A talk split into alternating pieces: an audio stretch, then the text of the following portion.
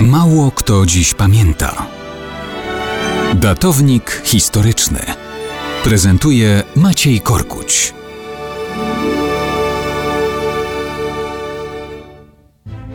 Mało kto dziś pamięta, że dokładnie 30 lat temu, 15 stycznia 1990 roku w Krakowie, bochenek chleba kosztował już okrągłe 2,5 tysiąca złotych.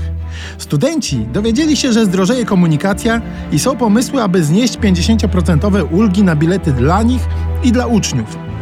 W krakowskiej auli Kolegium Witkowskiego na Uniwersytecie Jagiellońskim odbyła się dyskusja na temat kary śmierci z udziałem m.in. profesora Cola, księdza Tischnera, Korwina Mikkego.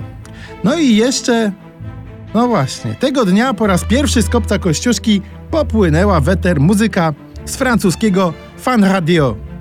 To był początek nadawania programu pierwszej prywatnej rozgłośni w Polsce, wtedy jeszcze pod nazwą Radio Małopolska Fan.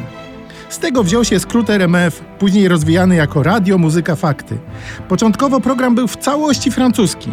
Muzyka była taka jak we Francji, jednym się podobała bardziej, innym mniej. Był to powiew zachodu, takiego jakim ten zachód był wówczas. Czy to coś zmieniło?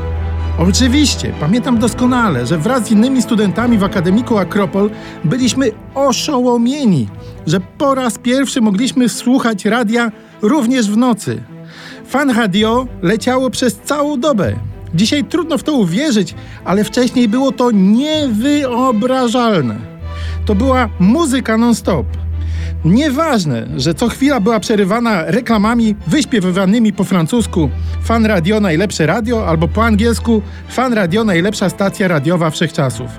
Można było włączyć i grało zawsze. Dwa tygodnie później chleb kosztował już 3000, ale za to rozwiązana została PZPR. Miliony ludzi wierzyło, że na pewno w Polsce będzie lepiej.